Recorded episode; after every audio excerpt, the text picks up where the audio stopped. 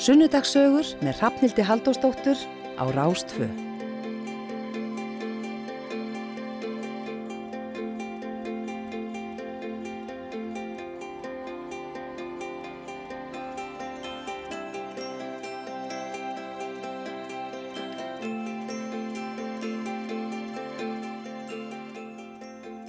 Komið sæl og blessuð og velkomin í sunnudasögurnar hér hjá okkur á Rás 2.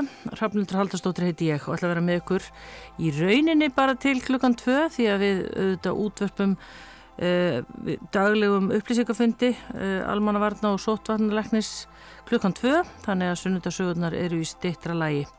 Og það sem meira er að við ætlum að endurflitja við þar sem ég tók við hana Önnu Þóru Björstóttur sem er glerugnarsali og hún er uppistandari og hún er ýmislegt fleira og uh, við heyrum hennar sögu hér í uh, bara svona rétt eftir einhverja mínur. Anna Þóra hefur, uh, já, rifið sig kannski svolítið upp á raskatunni eins og hún segir sjálf og skipti alveg um kurs í lífinu.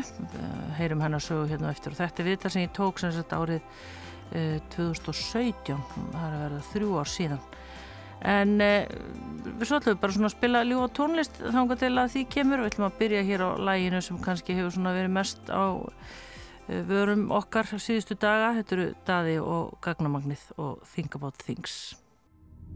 Baby, I can't wait to know. Believe me, I'll always be there so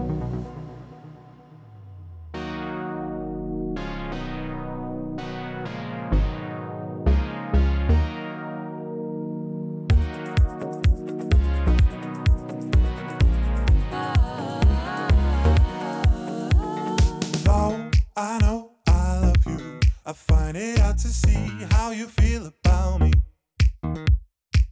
Cause I don't understand you. Oh, you are yet to learn how to speak. When we first met, I will never forget. Cause even though I didn't know you yet.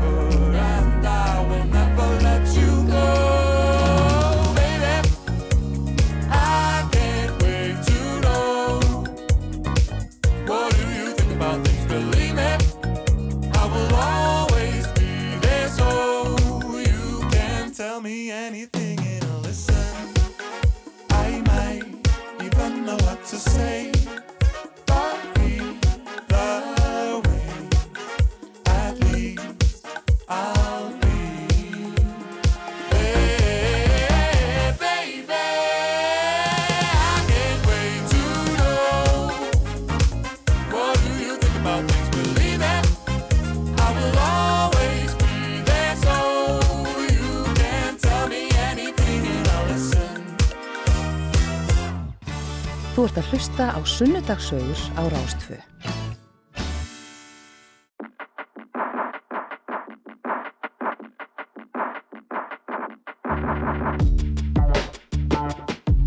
Þú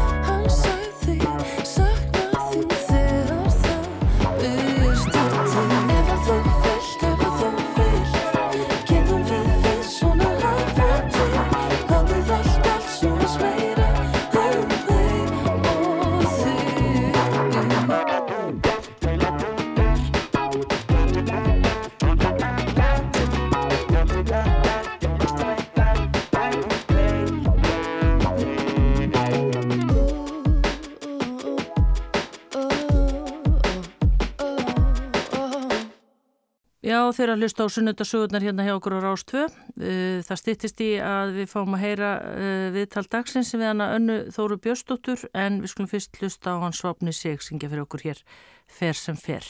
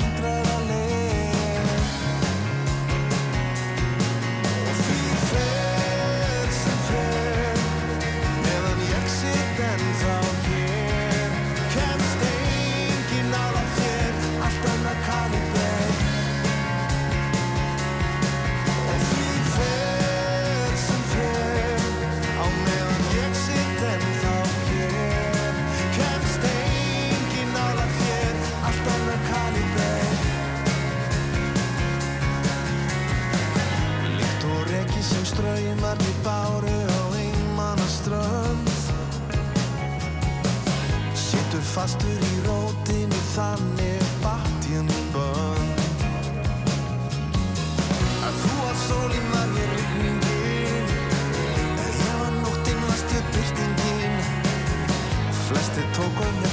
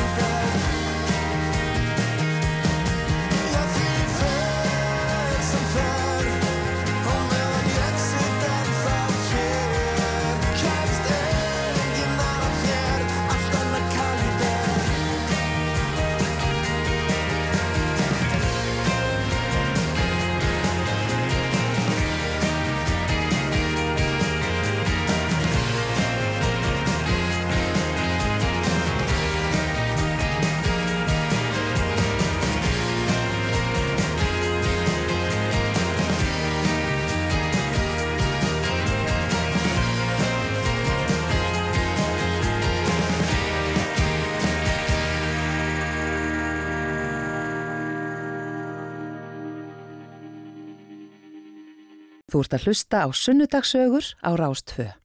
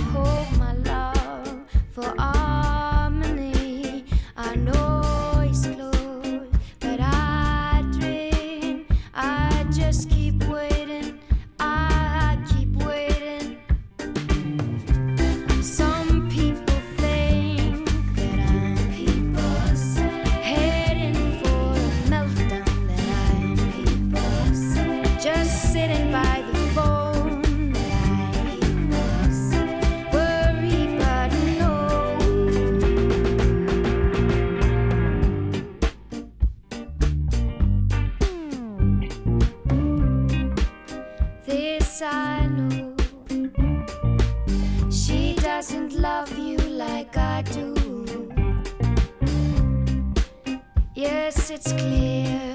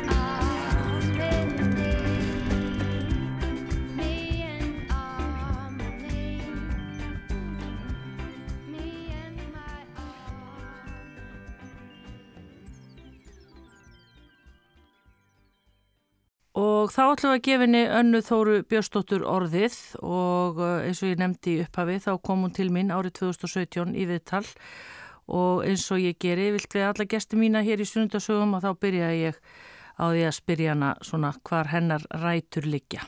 Ég er þessi vestubæjar stelpa, fætt bara í Reykjavík 13. september 62 Já.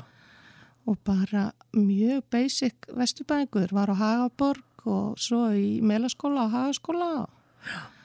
Þannig að það getur ekki orðið meira orginal vesturbæðingur heldur en ég. Heldur með káar alveg? Já, alveg, alveg bara, það er ekkert annað lið til. Maðurum minn er að þykast vera framari þú veist, ég, við ræðum þetta ekki. Það er allir heimið og um mér káringar En varst þú eitthvað í boltanum? Nei, Nei, ég var ekkert í boltanum. Ég þóttist vera svona stelpann sko, var í ballett í þjólkúsinu og... en ég var aldrei neitt í handbolta eða fótbolta, Jónni bróður sá um það. Já, voru tvö sískinni? Já, svo var ég við hálsistur sem að ólst upp hjá M okkur afa. Þannig að hún var kannski meira svona eins og móðusistur mín eða, eða þú veist, en við vorum tvö sískinin sem ólst upp á heimilinu mínu. Já. Hvernig er þetta við með hérna, þessar skóla sem hún nefndi, sko, melaskóla og hagaskóli? Maður er náttúrulega, melaskóli er upp í 12 ára, það ekki? Jú. Og svo kemur úlingadeildin. Já. Og, og hérna, þetta eru svona svolítið, þetta eru stóru og öflögi skólar. Já, og maður þekkir alla sem hafa verið með mann í melaskóla og hagaskóla. Því það er í rauninni ekki droslega margir skólar hann í viðbót nema er. Vesturbæðaskólinn, já, hann var ekkit kominn. Það, það var hérna landakottskóli þegar ég var og í stýrumannaskólinn, það var einhverju krakkar þar. Já, En en þegar þú varst, þá Já. var það bara þessi. Já. já, Varstu krakki, þá varstu þarna. já. Já, Og bara mitt uppeldi, það fór bara fram við Hagatorg. Pappi var að spila með symfóníinni í Háskóla Bíó og mamma var á Hótel Sögu og ég, svo voru við í Hagaborg og Melaskóla og Hagaskóla þannig að þetta var ekkert stór radíu sem lífi snýrst um, það var bara þarna. Þannig að þú, sem sagt, pappiðin er tónlistamæður, Já, það er Björn Guði Jónsson, Já. sem að síðar stjórnaði svo Lúðursveit Kópós, spilaði með symfóníinni, já, trompet. já, já. Já. Hvað hérna, fjast þú, varst þú þá sendið í tónlistaskóla? Nei, ég var ekki sendið, það var bara að reikna með að ég hefði þetta og ég hafði þetta ekki.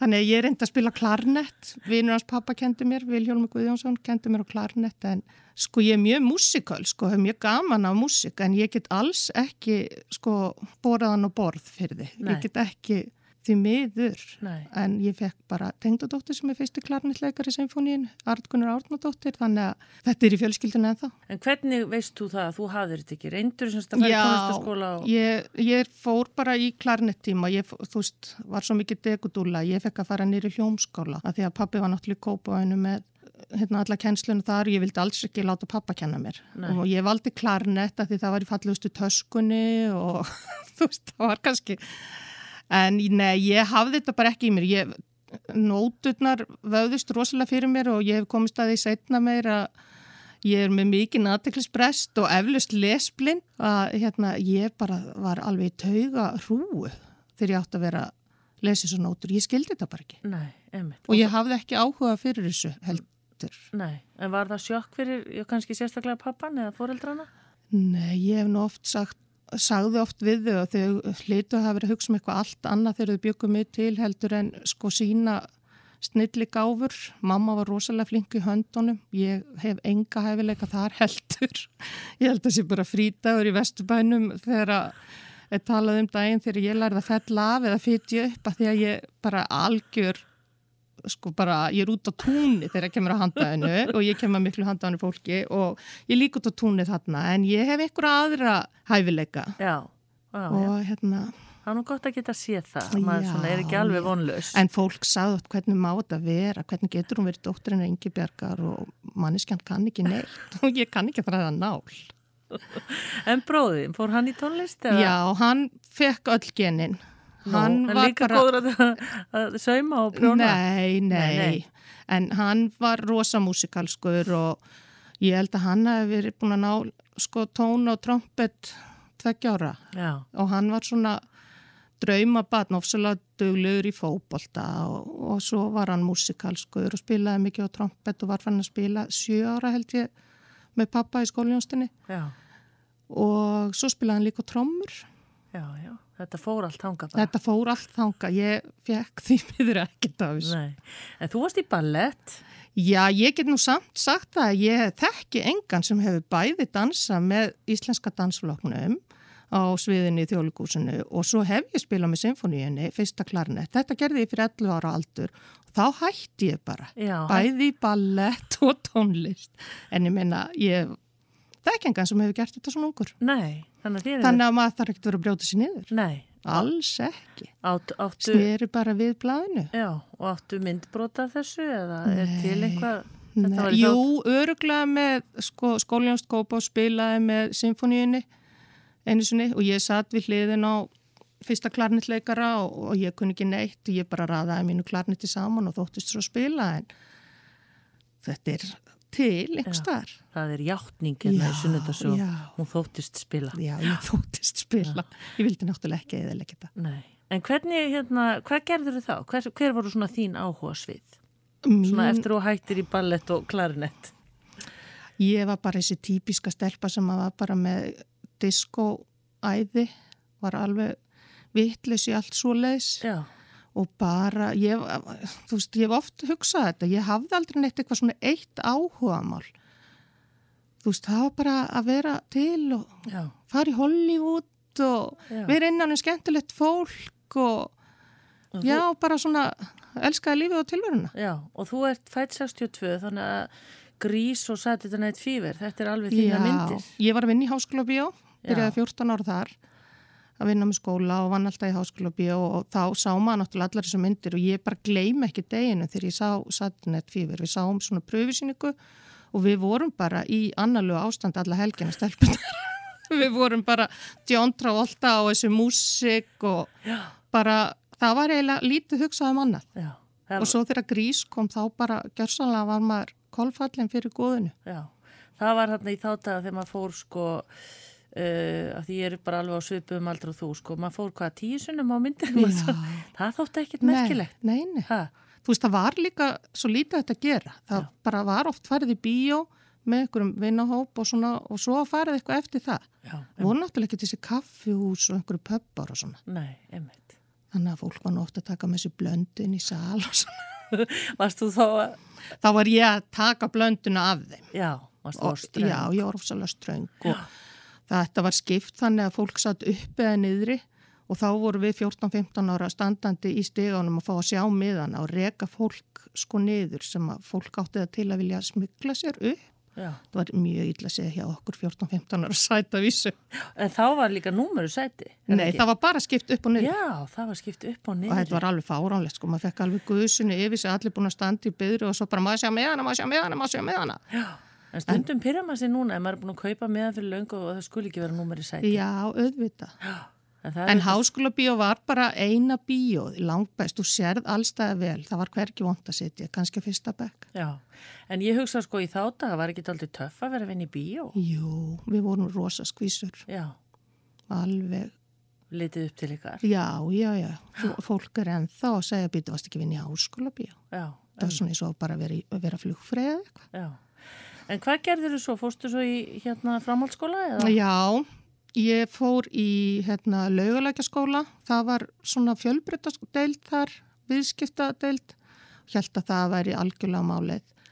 En bókvæsla og þetta átti nú ekkert endilega vel við mig og bara nám yfir höfuð ekki, þannig að ég skipti og fór yfir á hérna, heilsubraut og útskræði sem sjúkraliði 19 ára. Já. Mér lág rosalega á.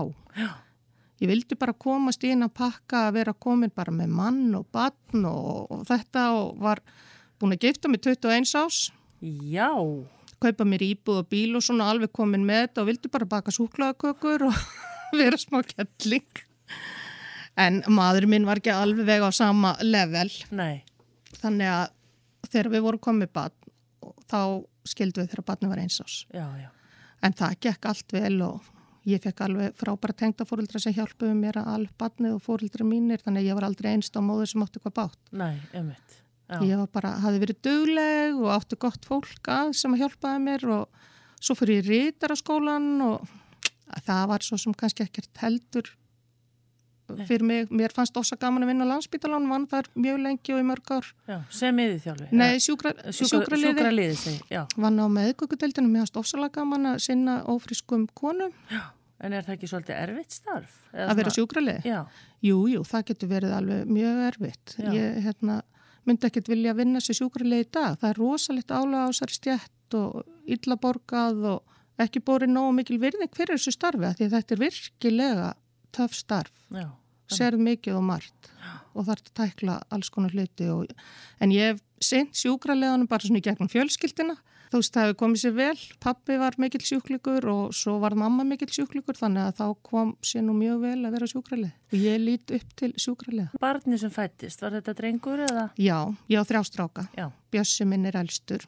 Hann er að verða 32 ára, leikritaskáld og er að skrifa og svo vinnur hann að geðdildinu með til að hafa ofan í sögu á. Hérna, þannig að þú ert bara, fegstu tækifæri til þess að geta sint vinnu og verið með hann? Sérst fest mikla hjálp? Ég fekk mikla hjálp, ég átti frábæra fóreldra og frábæra tengda fóreldra sem að ég hafði þetta mjög gott og Já. þetta var bara eiginlega skemmtulustu árin þegar ég var ein með Bjössa. Ég ætla að bóla maður þetta núverandi Já, jú, jú, hann veit alveg út á hvað það gengur. Ég átti mjög skemmtilega vini og bara allir voru mér mjög góðir og ég átti frábært líf. Það var aldrei erfitt að vera einstámóður, ekki fyrir mig. En hvað, ég menna, varstu hvað, vinkonunnar og svona voru margir í sömu spórum eða? Nei, ég var eiginlega einn sem að var með barn en þú veist, það, hann fekk bara rosa margar mömmur og við dúlum og við senniðist með hann alveg fram og tilbaka. Hann fekk aldrei að vera í sömu fötunum nema eitt dag í einu og þvældist með mér um allt að hann, ég man að fyrsta bíómyndi sem hann sjá, sá var Top Gun í háskóla bíó, hann var eins og og hann bara fór allt með mér og við erum ofsalega góði vinnir og mér fannst bara frábært að vera svona ung mamma, ég er ekkit endilega að mæla með því að stelpur séu einar með barn 23 ára en þetta gekk upp hjá mér Já. með góður hjálp Og svo náttúrulega í dag, þá bara er þið bara, hvað ég að segja, jafningi, það er svo Já. stutt á milli. En hvenar annað þóra breytist svo? Hvenar kynnustu svo núverandi manni? ég kynntist honum þegar ég var 30, 9 ára 30 og hann 31 Mástu hvar? já, kaffi rómans, kortur í þrjú Það var býtu kaffi rómans, var það ekki hann að... já. 5. desember mikill snjór kingdinu í stjó, snjó og við erum bara ástfanginn á tíu myndum og það var kona sem hitt okkur út á götu og sagðist bara aldrei að sé svona ástfangi fólk. En fallegt. Já, við bara tókum þetta á ameríska hraðanum og vorum fann að búa mjög fljótlega. Ég hafði verið á leðin til New York þegar ég hitt hann. Vinkona mín var í vinnu þar og með fína íbúð og það hafði verið svona smá djók að mamma ætlaði að passa að bjössa fyrir mig og ég myndi vera kannski hálft ár og til að gera eitthvað þá ætlaði að fara að læra á banjó. Já, Bara já. svona til að hafa eitthvað tilgang í New York og ætlaði að vera kannski í nokkra mánuði. En svo hitti ég Gilva 5. desember og við vorum bara farin að búa um jólinn og svo kom bara bad fljótlega og við keftum okkur hæð saman og svo opnum við fyrirtæki og svo kom annað bad. Hann átti tvö fyrir og ég átti eitt fyrir þannig að 33 ára var bara frú Anna Þóra orðin settlu frú með fyrirtæki og Þrjú bönn. þrjú börn og tvö svona fóstubörn þannig Já. að svo leiðis hefur pakkin verið síðan. Já, þannig að súkulega og allt þetta, þetta rættist allt. Já, það rættist vel úr þessu. En haldið þið gilvi upp á þennan, tö- þennan 5. desember? Já, við höfum nú yfirleitt alltaf gert það. Einhvern tímann var hann eitthvað slói og nefndi ekki þá bara fór ég með vinkunum minn út að borða og skálaði mikið fyrir því að þetta væri dagun okkar gil. Þannig að ég held held ég alltaf upp á hana dag og jú, við fengum okkur nú oft humar og bollingar og eitthvað svona. Já. Ég voða svona þarf að halda upp á mikið og margt og mér finnst Ámar ekki að gera það, Anna Jú, Þóra? auðvitað. Já. Uh, hinn er tveir strákanniðinir, það er Bjössi Elstur. Bjöss er elstur og svo kemur Georg, hann er fættur 94 og svo kemur Henrik sem er fættur 96. Já. Ertu orðin amma? Nei, ekki alvöru. Maðurinn minn á þrjú barnaböld, þannig að ég er svona skamma, en hérna skáamma. En ég er alveg tilbúin. Ef þeir eru að hlusta þá er ég tilbúin í ömmu hluturkið. Já, ömmit. Uh, tölum aðeins um fóreldræðina meira því ég man nú sérstaklega, það er náttúrulega að það komið fram ég var nú sjálf í Lúrasveit hérna Kópós, eða skólinans Kópós, átti það góða minningar uh, hann var mjög merkileg maður ef við byrjum á pappaðinum, Björn. Guðjónsson pappi var mjög merkilegu maður. Ég sé það alltaf betur og betur eftir því sem ég eldist. Þá sé ég hvað hann var rosalega duglegur. Hann bara fættist í sko venjulegri fjölskyldu á bráðræðisoltinu þessi jóðallúsið og var fann að spila á trompet með Lúrsett Reykjavíkur mjög ungur. Pappans var í Lúrsett Reykjavíkur og spilaði á hotn og var formaður Lúrsettarinnar og pappi tók svo við því og svo var því onni bróður varaformaður Lúrsettarinnar og Sumum finnst að ég að taka að mér eitthvað hlutverkarna allavega útvöða búninga fyrir Lúrasveit Reykjavíkur. Það er aldrei að vita nema að ég tali bara við hann Hensson Já, já, og við rættum Fáum þessu að það þarf að vera almennilegu búningar á öllum lúðrasveitum. En Pappi var opbúslega duglegur og svo þegar ég hugsa um þetta líka að hann fekk MS ungur og hann hefur verið svona 38 ára þegar hann fekk fyrsta kastið og það var ekki vita hvað þetta var. En hann sko djöblaðist áfram og hann fekk ofta heyra það þú veist að því að hann var svona reikull í spori og hann fannst nú alveg gott að fá sér í glas en hann átti ekki skili hvað var sagt að hann væri oft í glasi með krakkana eða lúrasettin eitthvað svo lesa því að þetta var sjúkdómurinn sem var en hann var óbóðslega döglegur og óeigingjarn í starfi með skólinu á Skópahús. Já, og hann fór þetta einhvern veginn uh, mörg ári hjólastól. Já, og bara, þú veist, með stafinn og satt við að stjórna og svona, þú veist, margir eru bara orðnir öryrkjar og hætta, þú veist, en það var aldrei inn í myndinni. Nei, einmitt. En svo þegar hann var 68 þá fær hann hjarta áfall og þá var hann orðin það mikill sjúklingur hann þurfti að fara á hjógrunaheimili og það var mjög töff að vera 68 og fara hann á hjógrunaheimila því að hugurinn og getan sko voru ekki í takt. Hann Nei. langaði að gera svo rosalega margt og hann langaði að vera opbóslegur af við barnana minna og, og barnana sjónna líka. Þetta var mjög töff áraðna 97 þegar pappi veikist og er bara á spítal allt það sumar og fer svo inn á hjógrunaheimili í september og tíu dögum eftir það þá drukna bróðum minn á spáni. Þannig að það var mjög erfitt ár. Já, þetta er bara, maður þetta er eitthvað svo bara óskiljanlegt að komast í gegnum þetta. Já, það var, þú veist, ég, við áttum, ég fekk það hlutverk að segja báðum fóröldurum mínum frá því þegar Jónni druknaði og dó og það var mjög erfitt. Hvernig bar það? Getur þú sagt okkur Hann var að spila með hljónsvit út á Spáni og var að leika sér út í sjó. Þegar kom undiralda, það hefði vist verið raukt flagg og, ekki, þú veist, fólk átti ekki að fara í sjóin en hann var þar og að einhverjum ástæðum, ég veit ekki hvað það var, þá sogaðist hann eitthvað niður og druknaði 39 ára gammal. Já, og þá faðir, Tryggja batna og átti svo eina stjúpdóttir. Já, og yngsta barnið hans var 9 ára og svo 12 ára og 14 ára. Þetta var alveg rosalega sorglegt. Og ég var alltaf að spekla hvernig getur þetta skeið af því að þú veist, hann var ekki svo langt frá landi en hann var fegur, já, held ég. já. Þú, ég tók eftir hérna, þú varst að tala um hann áðan og svona, þú iljar þér við svona skemmtilega minningar og hlærið mikið þú talar um hann minninguna bara. Það er eina Ég- vitið. Ég sakna svo rosalega mikið sko. Já, þú aldrei sítið, svo eigið þið hálsistur. Já, hún heiti Sigriður Ólastóttir, hjúgrunni frækur, Já, nýja árum eldri en ég. þannig þið snúið baukum saman í dag. Já, já, Já, við reynum það. já. En mamma þín?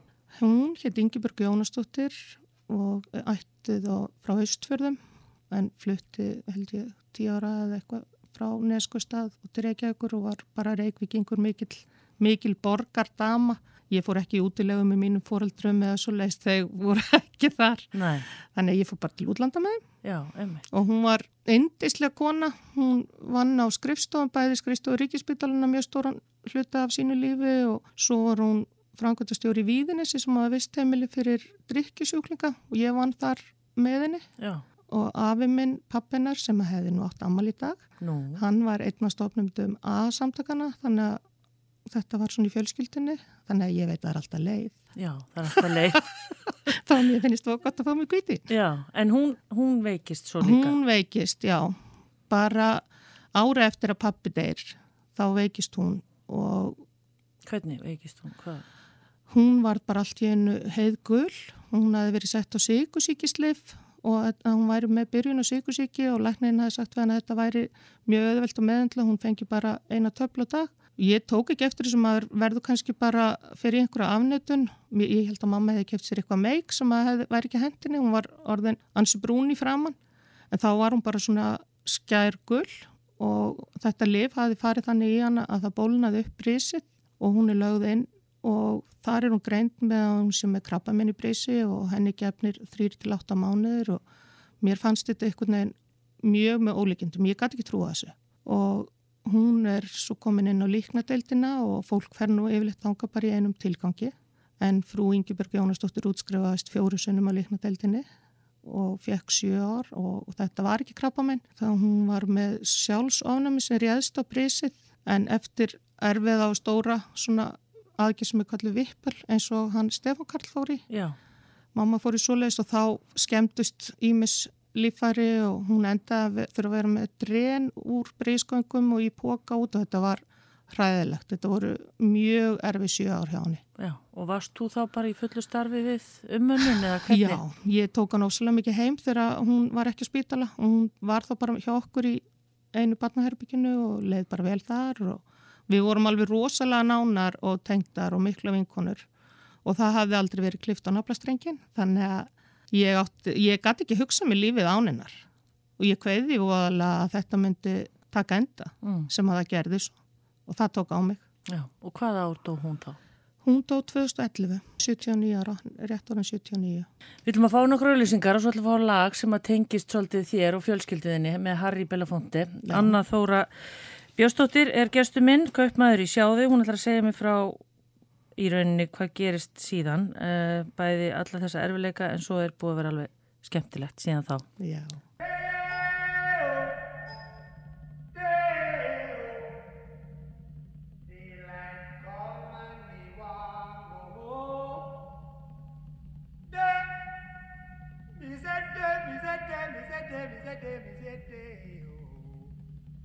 Daylight come and me want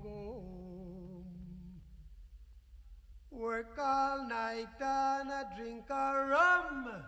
Daylight come and me want go home. Stack banana till the morning come. Daylight come and me want go home. Come, Mr. Tallyman, tally me banana. Daylight come and me want go home. Come, Mr. Tallyman, tally me banana.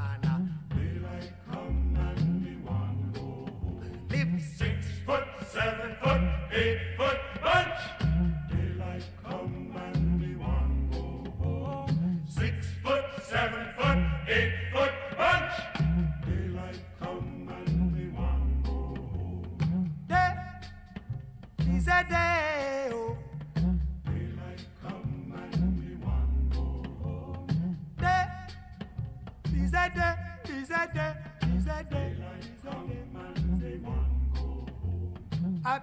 beautiful bunch, a ripe banana. Daylight come and we want go home. Hide the deadly black tarantula. Daylight come and we want go home. Live six foot, seven foot, eight foot bunch.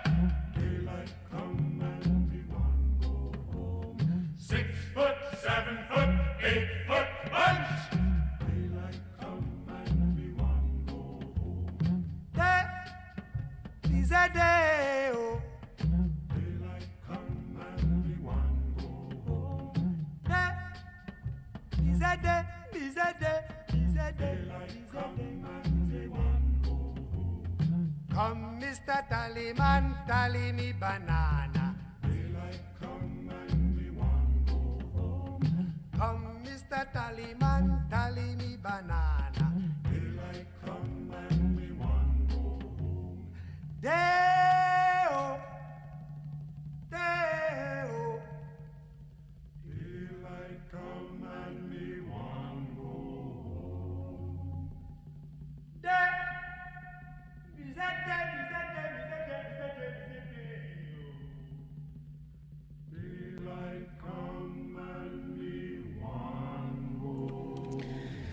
Þetta lag, Anna Þóra Bjóstóttir, tengist þér og þínni fjölskyld og þínu minningum.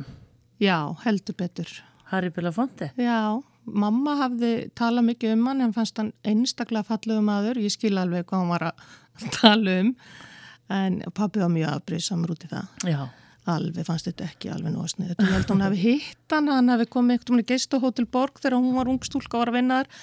En hún spilaði þetta lag mikið og svo þegar ég er unglingur þá fer þetta lag aftur á flug og öll skóljónskópa og sveit alveg hvað ég er að tala um. Við spiluðum þetta mikið og stór hluti af krökkunum úr kópaðunum voru bara mínir bestu vinir og Jonna bróðis og við vorum mikið á tjáminu saman og spiluðum þetta mikið í kringum svona 80. já, einmitt. Og ég bara því ég var að finna þetta lag fyrir þig, þá bara fekk ég, já, svo, svo, vá, hvað langt síðan við hýrt Já, þetta, það er er yfirjust upp minningar. Já. Anna Þóra, við vorum komin að það að mamma einn deyr 2011, það er búið að ganga gríðarlega mikið á í þínu lífi og þetta er náttúrulega mikill missir. Já, það var einhvern veginn eins og þetta byrjaði þegar ég er 35 ára. Það bara 35-50 ára var bara svona mjög töff tímabili í mínu lífi. Við mistum líka búðin okkur í bruna Alveg rétt. og það var rosalega mikið sko floppa bara, vorum illa treyð, höfðu ný lækka tryggingarnir sem að aldrei neitt ná að gera. Var að vera með fyrirtæki sitt og heimili tryggt í botn. Af því að bruni er eitt af því erfiðasta að horfa upp á. Já, býtu hvar var aftur búðin þá? Hún var Hún var á lögu 40 alveg rétt, já. þannig að ég fekk hjarta áfall þegar hún brann en ég er búin að komast að þessu öllu og setja þetta allt saman með miklu vinnu að áfallið sem ég fekk, hjarta áfallið, það tengist það heitir Broken Heart Syndrome Já, og ég bara er fyrsta sem hef fengið það á Íslandi sem er sko staðfest að það var það þetta var mjög furðulegt hjarta áfall ég fekk hjarta áfall af sjokki já. Manstu, ég meina hvar stóðstu, hvar varstu? Ég var bara heima hjá mér að lögataskvöld og var freka þreytt, það hefði verið eitthvað út á lífinu bæði 15 og första og vinkona mín ringdi og spurði hvort ég væri búin að frétta að vera að brenna nýru bæði, ég held að hún væri bara eitthvað að djóka eða bylla.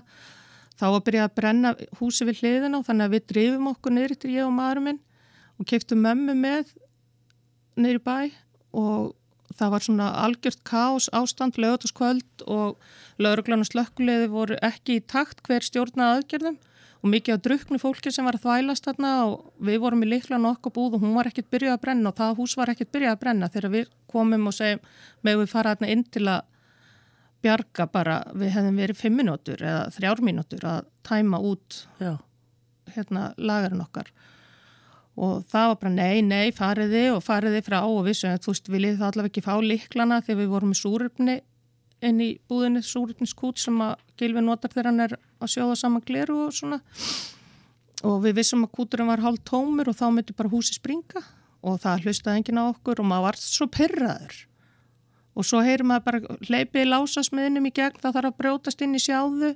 Þú veist við stóðum aðna með liklana og bara þessi þvæla öll og horfa svo á húsis bara springa með öllu, minna var fullt af íbúðum sem að voru þarna fyrir ofan.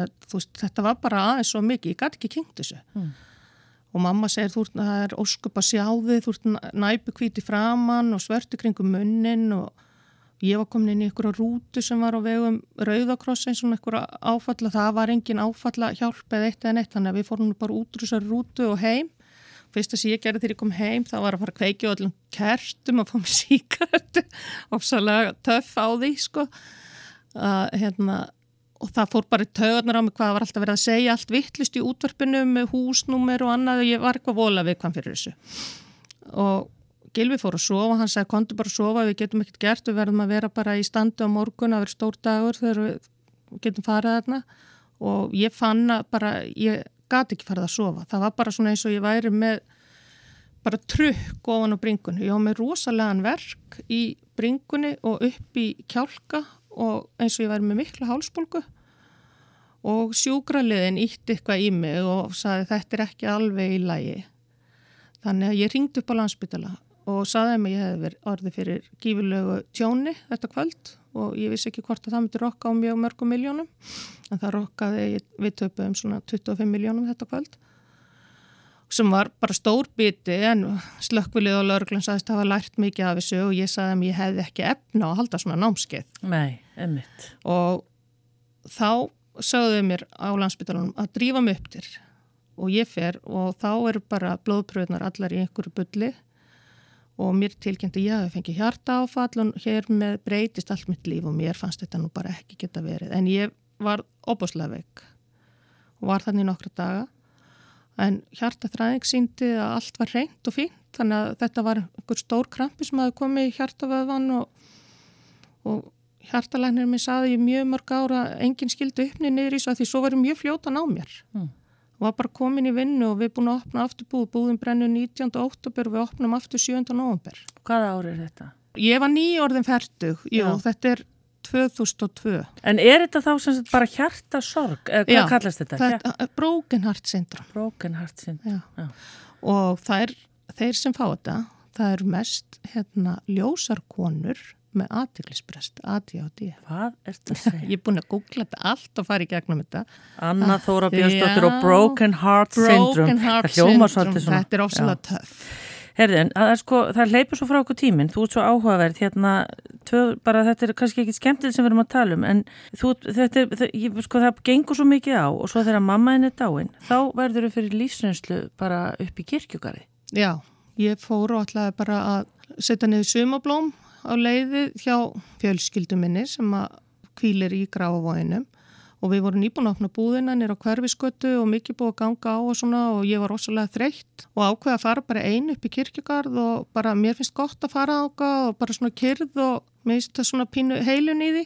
Þá bara allt í einu gerði ég mig grein fyrir því að þarna lá bara mamma, pappi, bróður minn og mákona og mér þetta var mér bara um megn. Ég hafði einhvern veginn bara tekið alla þess að sorg og bruna og allt á einhverju svona trukki og ætt áfram og alltaf bara sirkja setna og jafna mig betur setna og, og ég fekk bara einhvern svona skell og mér langaði bara mest að rífa bara grasið af og tróða mér hérna ofan í hjá þeim.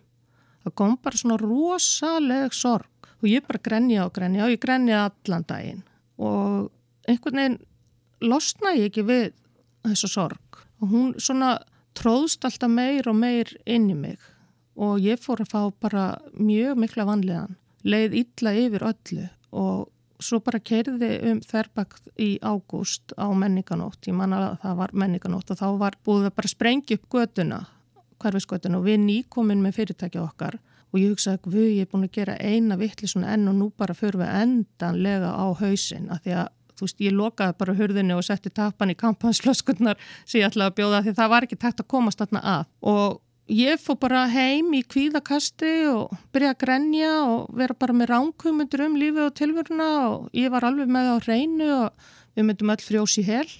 Mér sem er alltaf heitt, ég er alltaf berfætt í skónum, ég fekk bara svona einhverja dellu og fór að panta lópasokka og húur og vildi bara eiga nóga fötum og mér var svo kallt Mm. og ég bara fundið það út og mér var kallt í sálinni að þú veist, maður verður bara að sinna sér og klára verkefnin ef að kom upp erfileikar eða einhver stór og mikil verkefni en það er hægara sagt en gert þegar að maður er sinn eigin herra og er einirki. Já.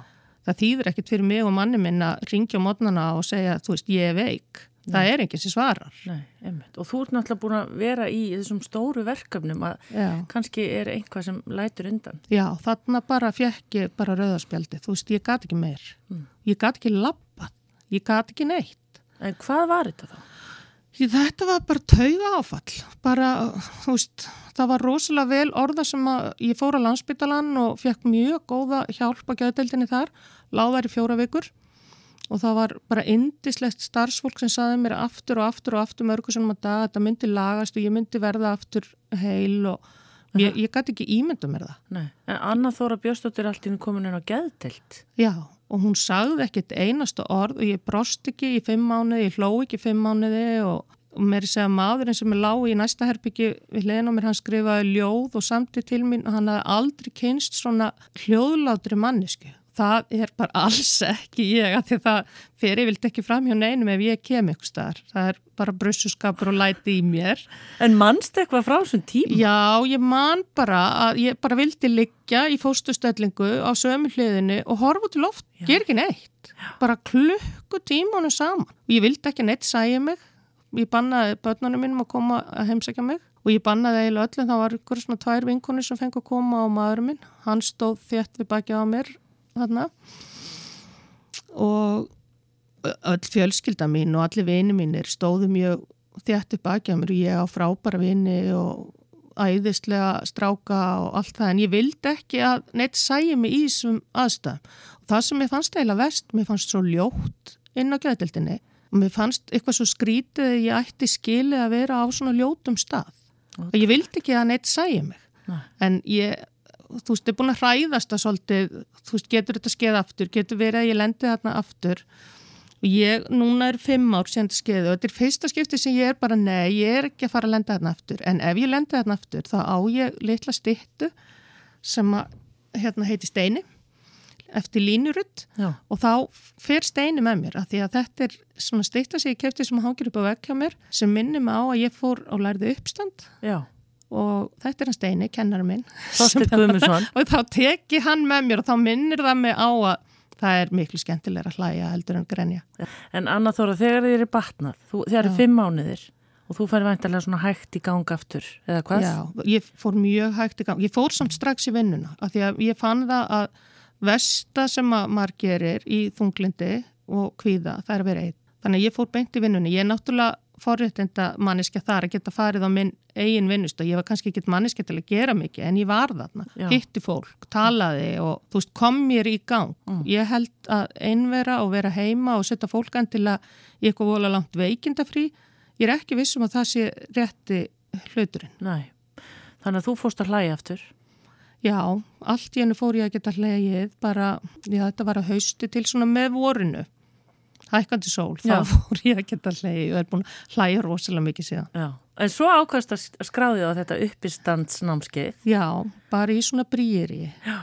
og hvernig reynsli er það? Þar maður ekki einhvern veginn algjörlega berskjaldar sig? Jú, Ég- þetta er alveg opbúslega furðulegt af mannesku sem er samansett eins og ég.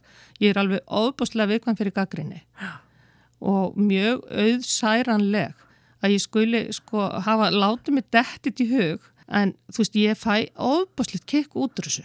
Mér finnst þetta æðisleg tilfinning þegar þú ert búin og mér finnst bara gaman að standa á sviðinu. Já.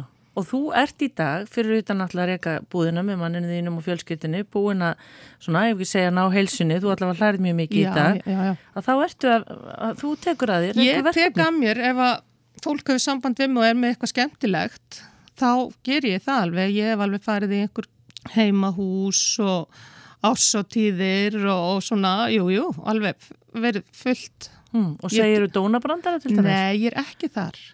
Nei. Ég er með- 55, 50 og hvað? Já, ég er með pínu svona aldurskomplexa að svona, að þú veist, 55 ára kona, hún verður að haga sér Já. en það er geta verið drullu fyndnar sko, Já. geta verið miklu fyndnar heldur en ykkur í stráka sem eru alltaf að tala um sjálfsfrón og hasreikingar. En hvernig líður þér þú ferð á sviðið?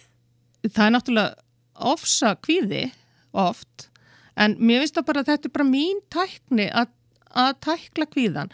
Þetta er eitthvað sem ég er að koma mér út í og tekur bara svo stuttan tíma og það er svo mikið kikk sem kemur að það, veist, það er svo gott að geta stjórna kvíðanum. Að því að ég fattaði það þegar ég var að díla við kvíða að hann fer aldrei. Við erum alltaf með kvíða, við verðum að vera með kvíða og maður er ekki neitt, þú veist, maður getur aldrei sagt ég, ég er algjörlega laus við kvíða, ég er, þú veist, þess vegna finnst mér gott að kalla yfir mig og finna að ég get svo bara hendur hann með burtu.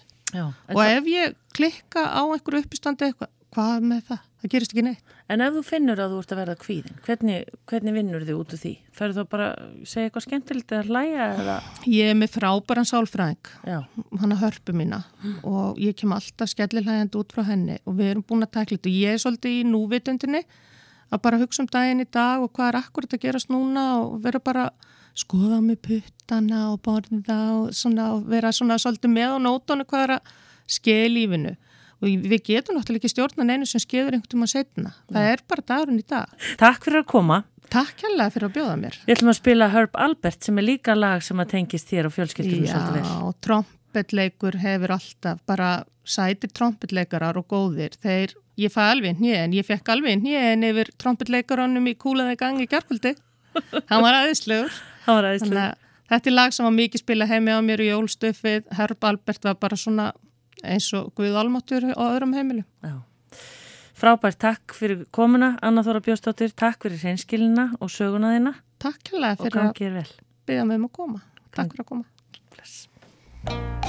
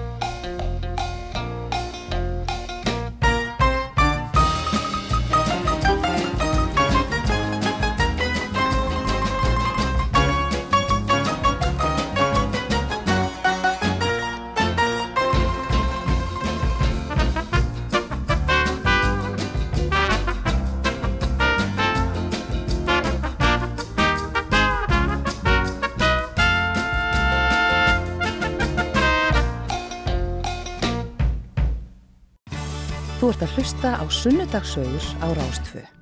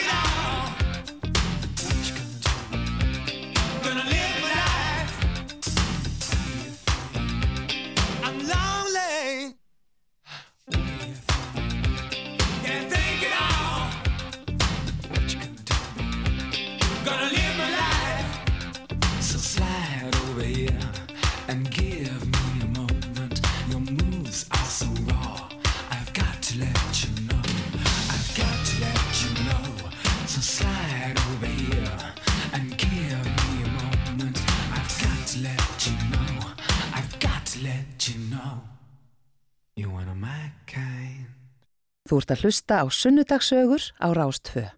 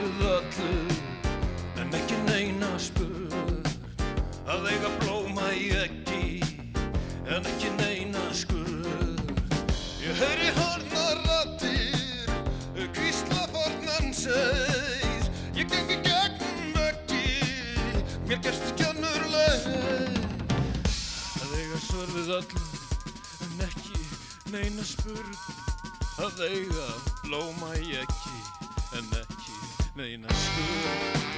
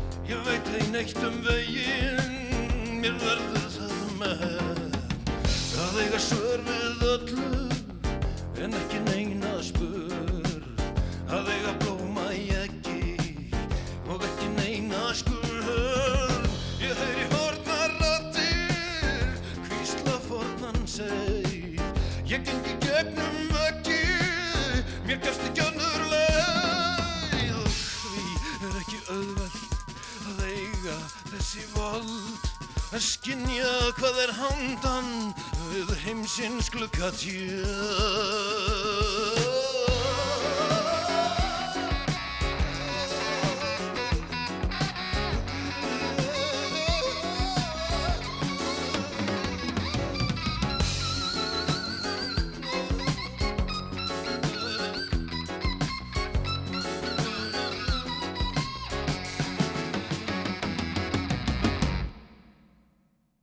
Þannig heyrðum við viðtal við hana önnu Þóru Björstóttur og svo stittist því að við fáum hér beina útsendingu frá eh, upplýsingafundi, almannavarna, sótvarnalagnis og smittsjúkdómalagnis og fleiri aðila. En svo alltaf á hverju degi þá útverfið því hér klukkan 2 og svo eh, heyri ég eitthvað svona rétt þegar klukkan er að vera þrjú að öðru leiti er dasgrán hjá okkur á rástöðu hefbundin eh, tímaflakki hér klukkan þrjú og Rokklandi klukkan fjögur en nú leipum við að tilkynningum og svo koma frettir og svo beint á upplýsingafundin.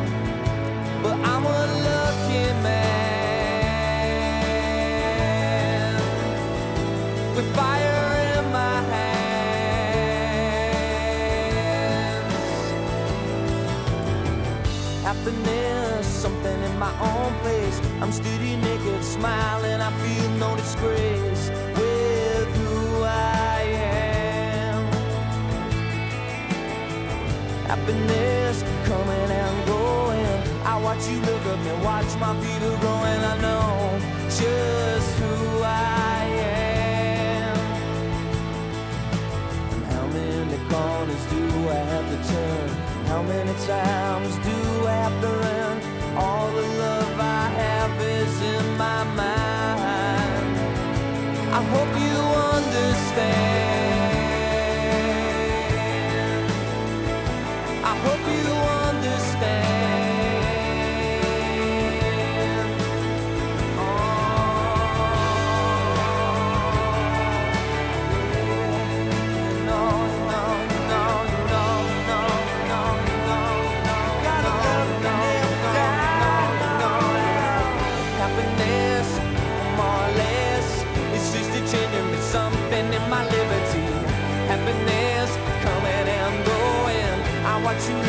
watch my fever growing.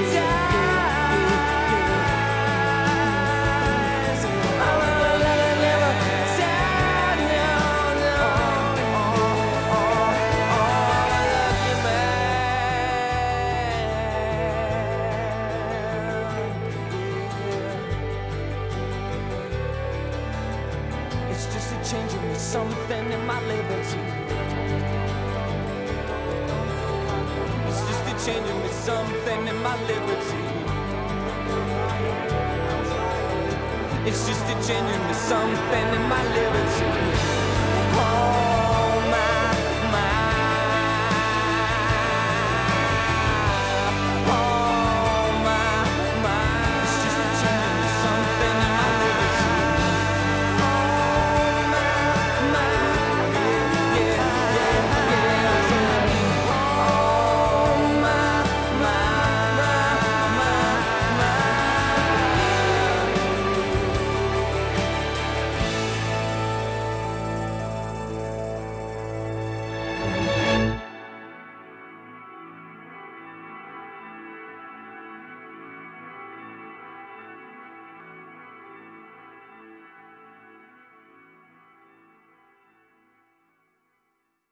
Sunnudagssögur til klukkan þrjú í dag.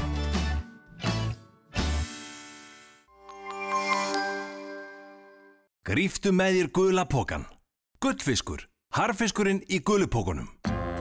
Allt fyrir baðið á múrbúðarverði. Múrbúðin. Gott verð fyrir alla, alltaf. Hvern ætla þú að gleðja í dag? Blóm gera kraftaverk. Íslenski blómabændur.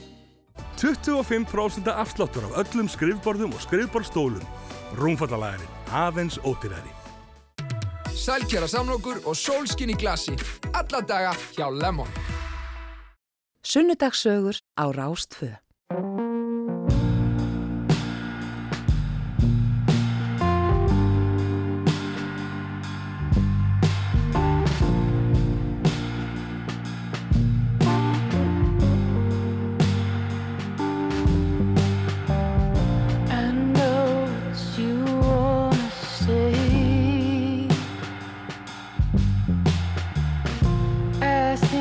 that you wrote.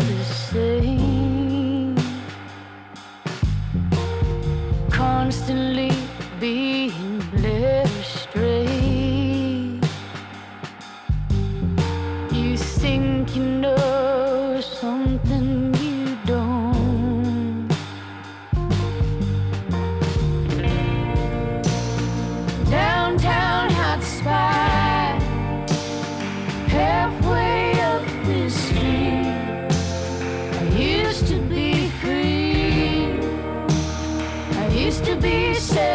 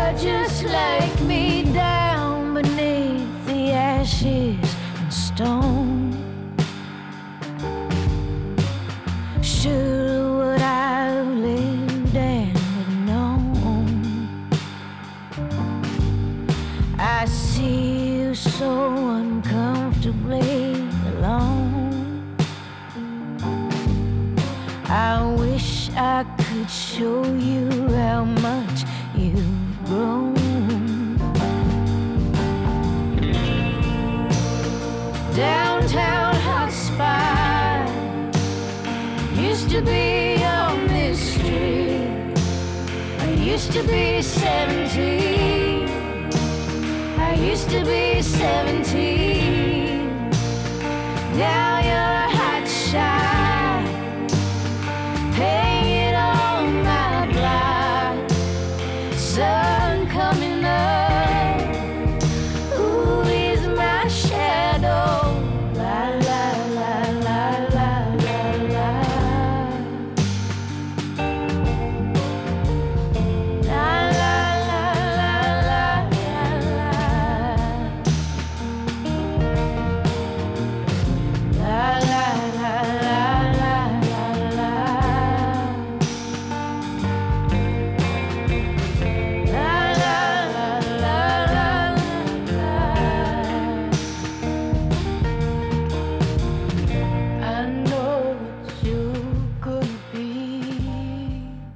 Sunnudagssögur á Rástfö.